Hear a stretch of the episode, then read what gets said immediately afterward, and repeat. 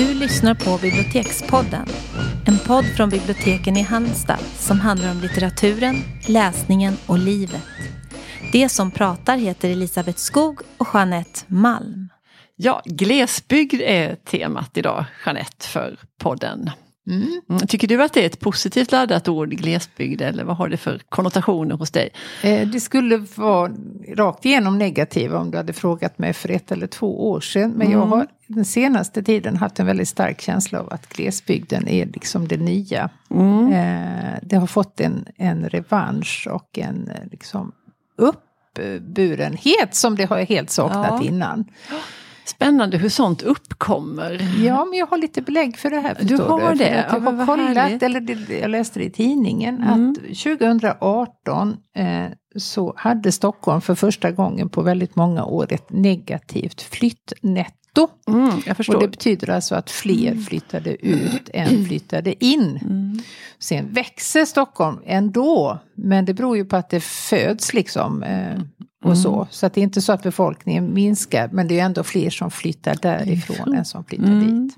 Och det är väldigt intressant. Eh, och sen tycker jag att i litteraturen har det varit väldigt synligt också. Alltså hur många ja, böcker har det ja. inte varit om inte många liksom storstadsskildringar men desto fler mm. landsbygd och mm. glesbygd. Tänk bara på Karin Smirnoff och Tina Wehe, eh, Testament och många och om man då ska prata om att det ska locka folk till glesbygden så kanske inte just de exemplen gör det. För det är ju ganska mörka och dystra Nej. skildringar. Men mm. det är ju mm. ändå att man uppmärksammar det. Ja, nej men det har gjorts också väldigt många jämförelser med, man tänker en sån sak som huspriser som ju ändå är en, ja, en viktig gud, sak ja. när man ska mm. betänka var man ska bo någonstans. Och, mm. och närheten till naturen och, vad man, mm. och slippa liksom färdas en timme på morgonen och en timme på kvällen för att mm. ens komma till sin arbetsplats. Mm. Så ja. Men det finns också en definition då av glesbygd. Mm. Det kan vara bra att veta vad ja. vi menar när vi liksom svänger, oss med det. ja, och det är alltså enligt en eh, Glesbygdsverket som fanns länge sedan som nu har gått upp i någon annan myndighet som jag mm. inte miss namnet på. De menade på att det är områden som där man har mer än 45 minuters bilresa till en tätort. Mm. Och den här tätorten ska då bestå av mer än 3000 invånare. Mm. Och om man ser fördelningen nu hur vi bor så är det ju fortfarande så att det är enorma kluster liksom i städerna och väldigt mycket ganska tom yta. Mm. Och då är det så att 84 procent av hela befolkningen bor i det vi kallar tätort. Mm. Så det är 16 procent som bor då i glesbygd. Mm. Så det är ju inte många. Men, eh, jag kommer att tänka på en krönika av Bengt Olsson som jag vet att vi pratade om tidigare ja. också. Där det handlar just om det här med att vi förr liksom flinade lite åt ja. det där när man hörde om folk som bodde sådär avsides och de åkte sju mil för att fika eller för att komma till apoteket. Ja. Eller sådär. Och just den där apoteksjämförelsen är ju den som han tar upp i sin krönika där. Att han, mm han ska in ett ärende, när han ska hjälpa någon kompis med någonting och han mm. fastnar i någon helt hopplös bilkö och han hade Liksom hade han, den tiden hade han ju hunnit köra liksom 10 mil lätt. Ja, det den var tiden kort som det geografiskt tog. avstånd mm. för det handlade om 4 kilometer men det tog lika lång tid. Som att köra ja. 8-10 mil. Ja. Och så är det ju alltid i Stockholm. Mm. Man får ju alltid vänta, ingenting ja. liksom går ju smidigt. Tycker jag. Man får gott om tid för mm. att bo där. Mm. Det går, tar väldigt lång tid att förflytta sig. Ja, för det är så lätt att tänka sig att man ska ja. hinna så mycket, eller att det är att nära mellan saker. Nära. Ja. Men det hjälper ju inte. Nej, det... Nej. Nej men det är ju också med vårt sätt att leva nu i de här yttersta dagarna. Kanske vi inte ska kalla det. Nej men vi har ju fått liksom en, en förnyad kunskap om att det sättet vi har levt på i mm. senaste århundradet, det håller ju inte. Och då kommer ju de här gamla ursprungliga kunskaperna kommer ju uppvärderas. Mm. Hur gör vi för att överleva? Mm. Hur ska vi klara oss mm. om inte vi har allting tillgängligt i mm. närmsta nattöppna mack? Vilket vi kanske inte kan liksom utgå ifrån. Nej. Och då kommer ju sannoliken lantbrukarkunskaperna att mm. uppvärderas. Då mm. om inte förr. Du, vi har tagit med oss ett gäng böcker här då. Uh, ja, vi hade också en liten tanke om det här begreppet bygderoman. Ja. Uh, Som ju var liksom ett begrepp, i alla fall för oss i biblioteksvärlden. Mm. Så jag vet inte om några andra pratade om bygderomaner. Men Nej. det kom ju personer och ville liksom, ja men har du några bygderomaner eller vad står mm. de? Och sådär.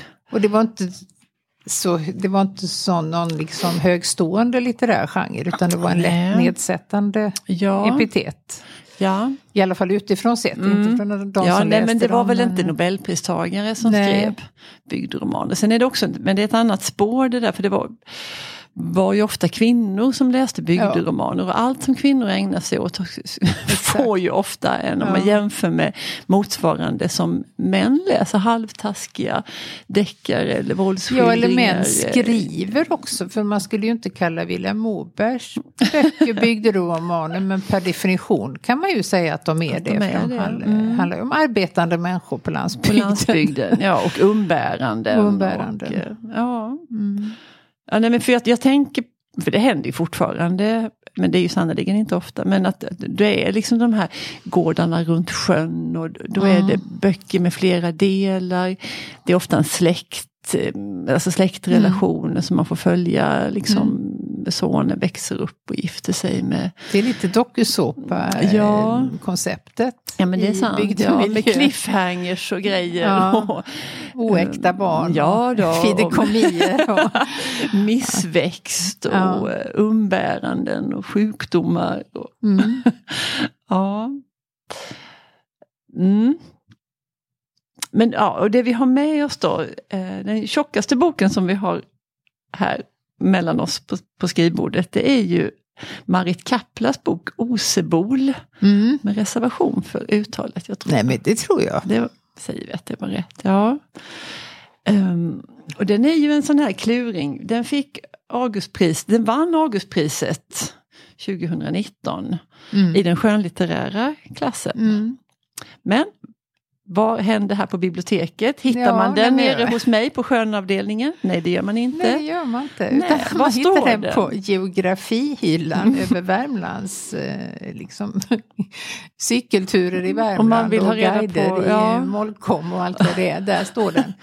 Och jag pratade då med vår katalogisatör Ja. Eh, och han hävdar att nej men den ska vara där, det är rätt. Det är eh, rätt. Så jag har inte läst den så jag ska kanske inte ge mig in i resonemanget. Men jag tycker det är konstigt ändå. Men mm. den handlar ju trots allt om invånare i den här lilla byn Osebol.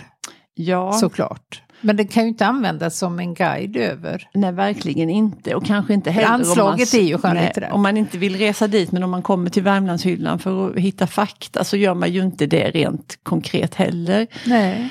Uh, så jag, men jag får nog katalogisatören till trots skulle jag ändå vilja höja ett Mm. Varningens pekfinger. Nej men den hade ju hittat fler läsare och det är den ju sannerligen väl värd. Ja om den hade stått på sjön. Där skulle jag nästan vilja sätta den bland diktsamlingarna för den har ju en klar poetisk kraft och om man öppnar den så ser det ju också ut som en, en diktsamling. Dispositionen är ju, för trots att den är så tjock så är det ju väldigt mycket luft. Mycket luft, men den är ju alltså över 800 sidor. Mm.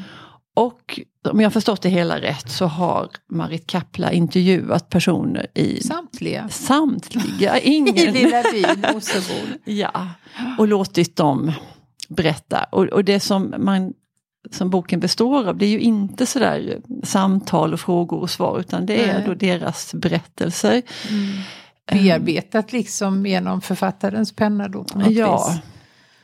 Och uppställt i, eh, liksom, i vad man då tänker som i lyrisk form med, mm. med kort med en mm. rad mm. eller en mening per rad. och eh, sådär. Jag läser lite ur ja, den så kan så man få man höra. känsla för, liksom ja, hur för alla de här personerna får några sidor var och längst ner då så står det den här personen som jag ska citera, det, han heter Jan Hagström och det står också vilket år de är födda. Han är född 1966. Mm. Det är ju i vår ålder, ja. Jeanette. Ja. um, nu kan jag inte värmländska så det får ni Nej, bortse ifrån. Det är bra. Jag ska inte ge mig på det heller. Nej. Nej. Han hette Holger Andersson som ägde huset förut. Han var busschaufför och bodde i Karlstad och var upp på sommaren. Varenda sommar så länge jag kan minnas gubben. Sen skulle de sälja det på 90. Jag är uppfödd här bredvid och jag har alltid sagt att ska han sälja huset så ska jag köpa det. För jag tyckte stället låg så bra till. Så då köpte jag det. Mm. Jag tar en sida till här för det här mm. tyckte jag han var hit på somrarna, då satte han potatis på gärdet här borta. Han hade en sån där gammal, en sån här gammeldags möllplog med träskalmar på. Så skulle en dra denna åt honom vara som en liten häst. Jag hatade detta vet du. Nu ska ni komma och dra möllplogen åt mig. Jag var inte så gammal, jag tyckte det var en plåga. Annars var det ingen fara med Holger. De var missionare, du vet. De var religiös. Ja, så låter det.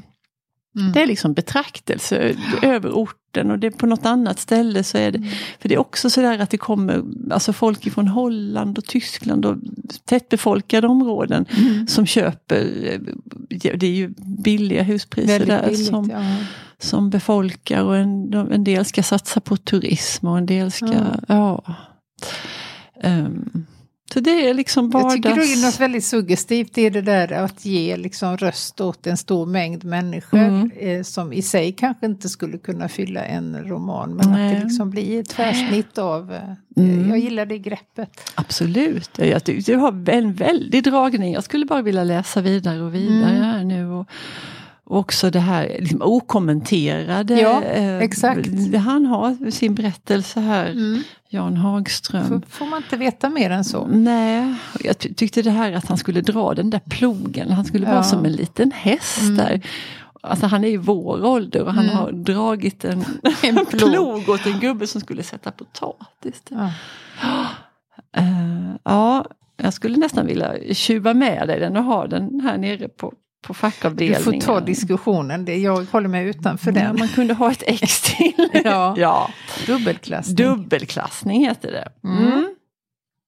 Mm. Ja, vad ska vi sen prata om? Jag tycker vi ska prata om på Tidholm. Ja, men då gör vi det. Ja, mm. eh, han är ju av eh, norrländsk börd och redan mm. det här med att kalla det norrländsk är lite problematiskt eftersom ja. Norrland faktiskt är halva Sveriges, eller drygt halva mm. Sveriges yta och det är bara vi sörlänningar då som säger Norrland ja, med något svepande generalisering. Mm. Själva skiljer de ju såklart eh, åt. Och han har då skrivit ut en eh, essä och reportagesamling bestående av eh, antal texter som han har skrivit då mm. under åren 1996 till 2012. Och han är ju flitigt verksam i DN bland annat och han är mm. ganska ofta med i radio. Spanarna har jag hört honom Alltid gånger. intressant. Ja. Och han skriver, alltså det är en mycket också reportage och samtal med andra och han gör väl lite grann upp med den här bilden av Norrland som vi alla då gör oss skyldiga att se att, liksom, att de, de där uppe är på ett visst mm. sätt och att man, det är liksom mycket bidragsberoende och det är hög eh, arbetslöshet mm. och det är tjuvjakt och det är hembränning. Alltså det är en bild som hela mm. tiden vi matas med mm. i eh, liksom, tänk bara jägarna. mm. ja, det är ingen trevlig bild av.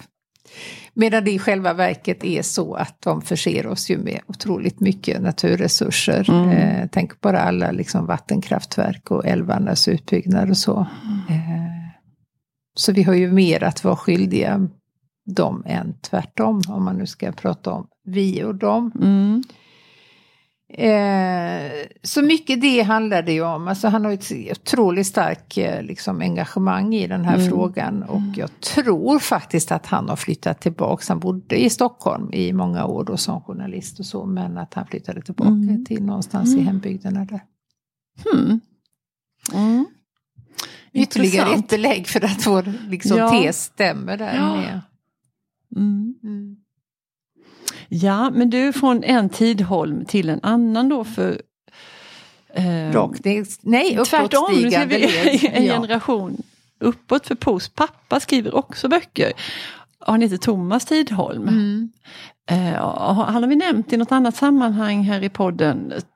tror jag. Och det förtjänar han sannoliken för han är lite inne på samma, eller han passar väldigt bra i det här glesbygdsavsnittet som vi håller på med för fullt nu. Mm. Och när vi pratade inför det här så kom jag genast att tänka på en fantastisk bok som heter Hilding Kvists minnen som är skriven av Thomas Tidholm.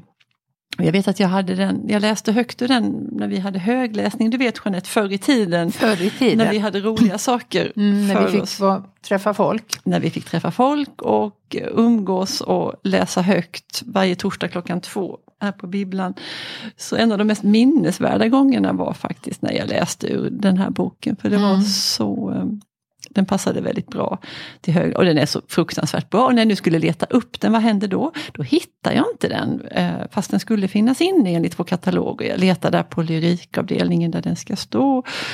Titta på alla möjliga ställen, men sen så tänkte jag, ja den kanske har hamnat fel. Så den stod bland romanerna och det var ja. ju såklart helt uppåt väggarna. Fast innehållsmässigt så, så är den ju som en, en roman där man får följa den här Hilding Kvist. Mm Eh, och jag brister ut i lite kort jo, men gör det, högläsning gör det. här.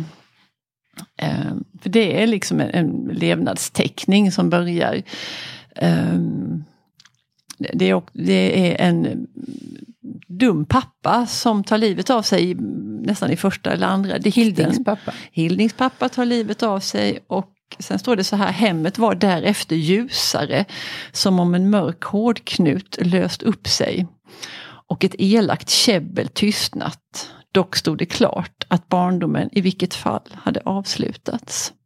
Mm. Påminner ju väldigt starkt om Ex Karin Smirnoff. Ja, exakt. Jag tänkte precis mm. på det. Um, av skolan minns jag därefter ingenting utom fröken Andrea Lundgrens svårmodiga blick när hon från katedern blickade ut över salen där vi barn satt som stöpta ljus osaliga, stryktäcka samt enligt skolläkaren asteniska och i många fall kobenta. Mm.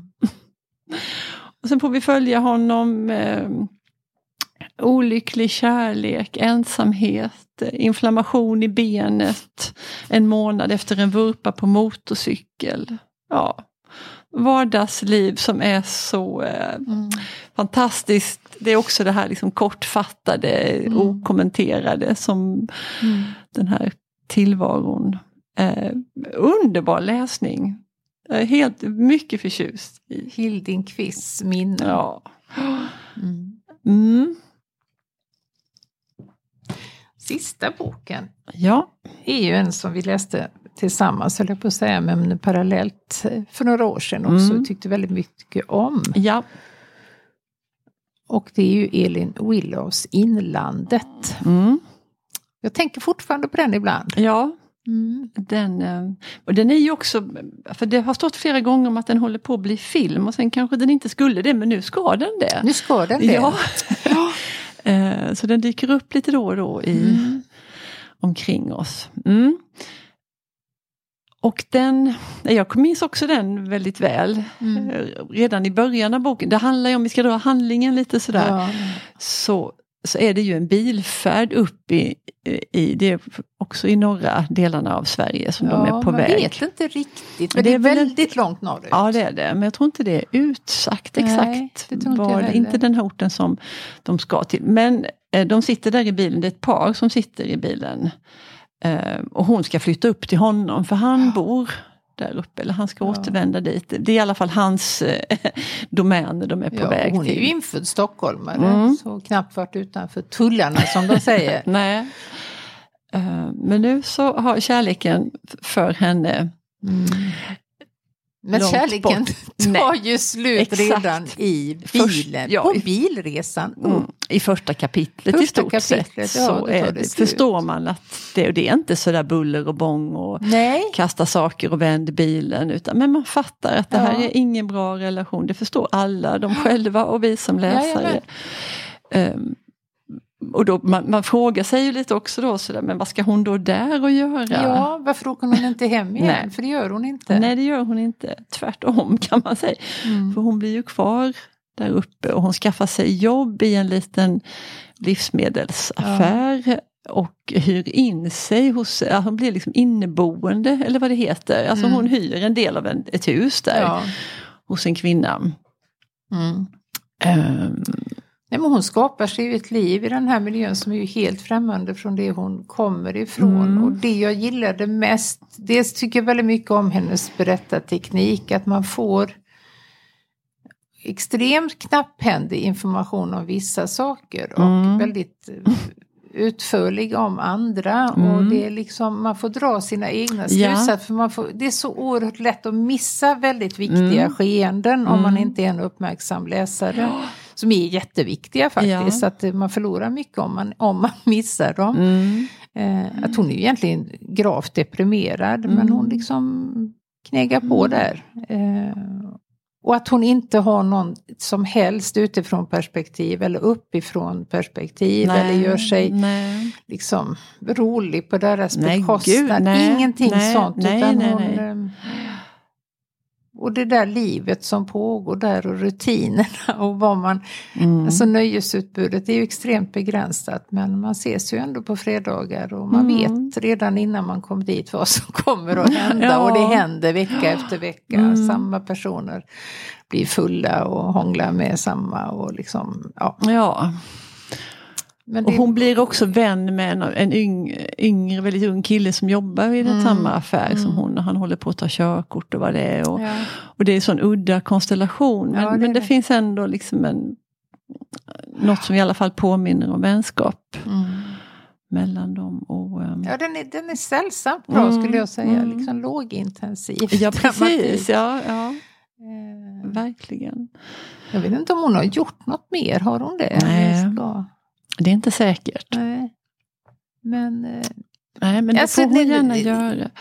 Jag blir så imponerad av författare som liksom hittar sin egen mm. ton så direkt ja. och inte sneglar på något annat. Mm. Utan... Nej, men det, och det är också en sån här bok som jag tycker är roligt att tipsa om. Ja. Sådär, jag brukar Gör skylta det. med den och ställa fram den och mm. prata för den. För, att den... för titeln är alltså Inlandet, det är Nej. kanske inte det allra mest Nej. lockande. Nej. Det finns ingenting med den som signalerar att den är så bra som den är. Nej.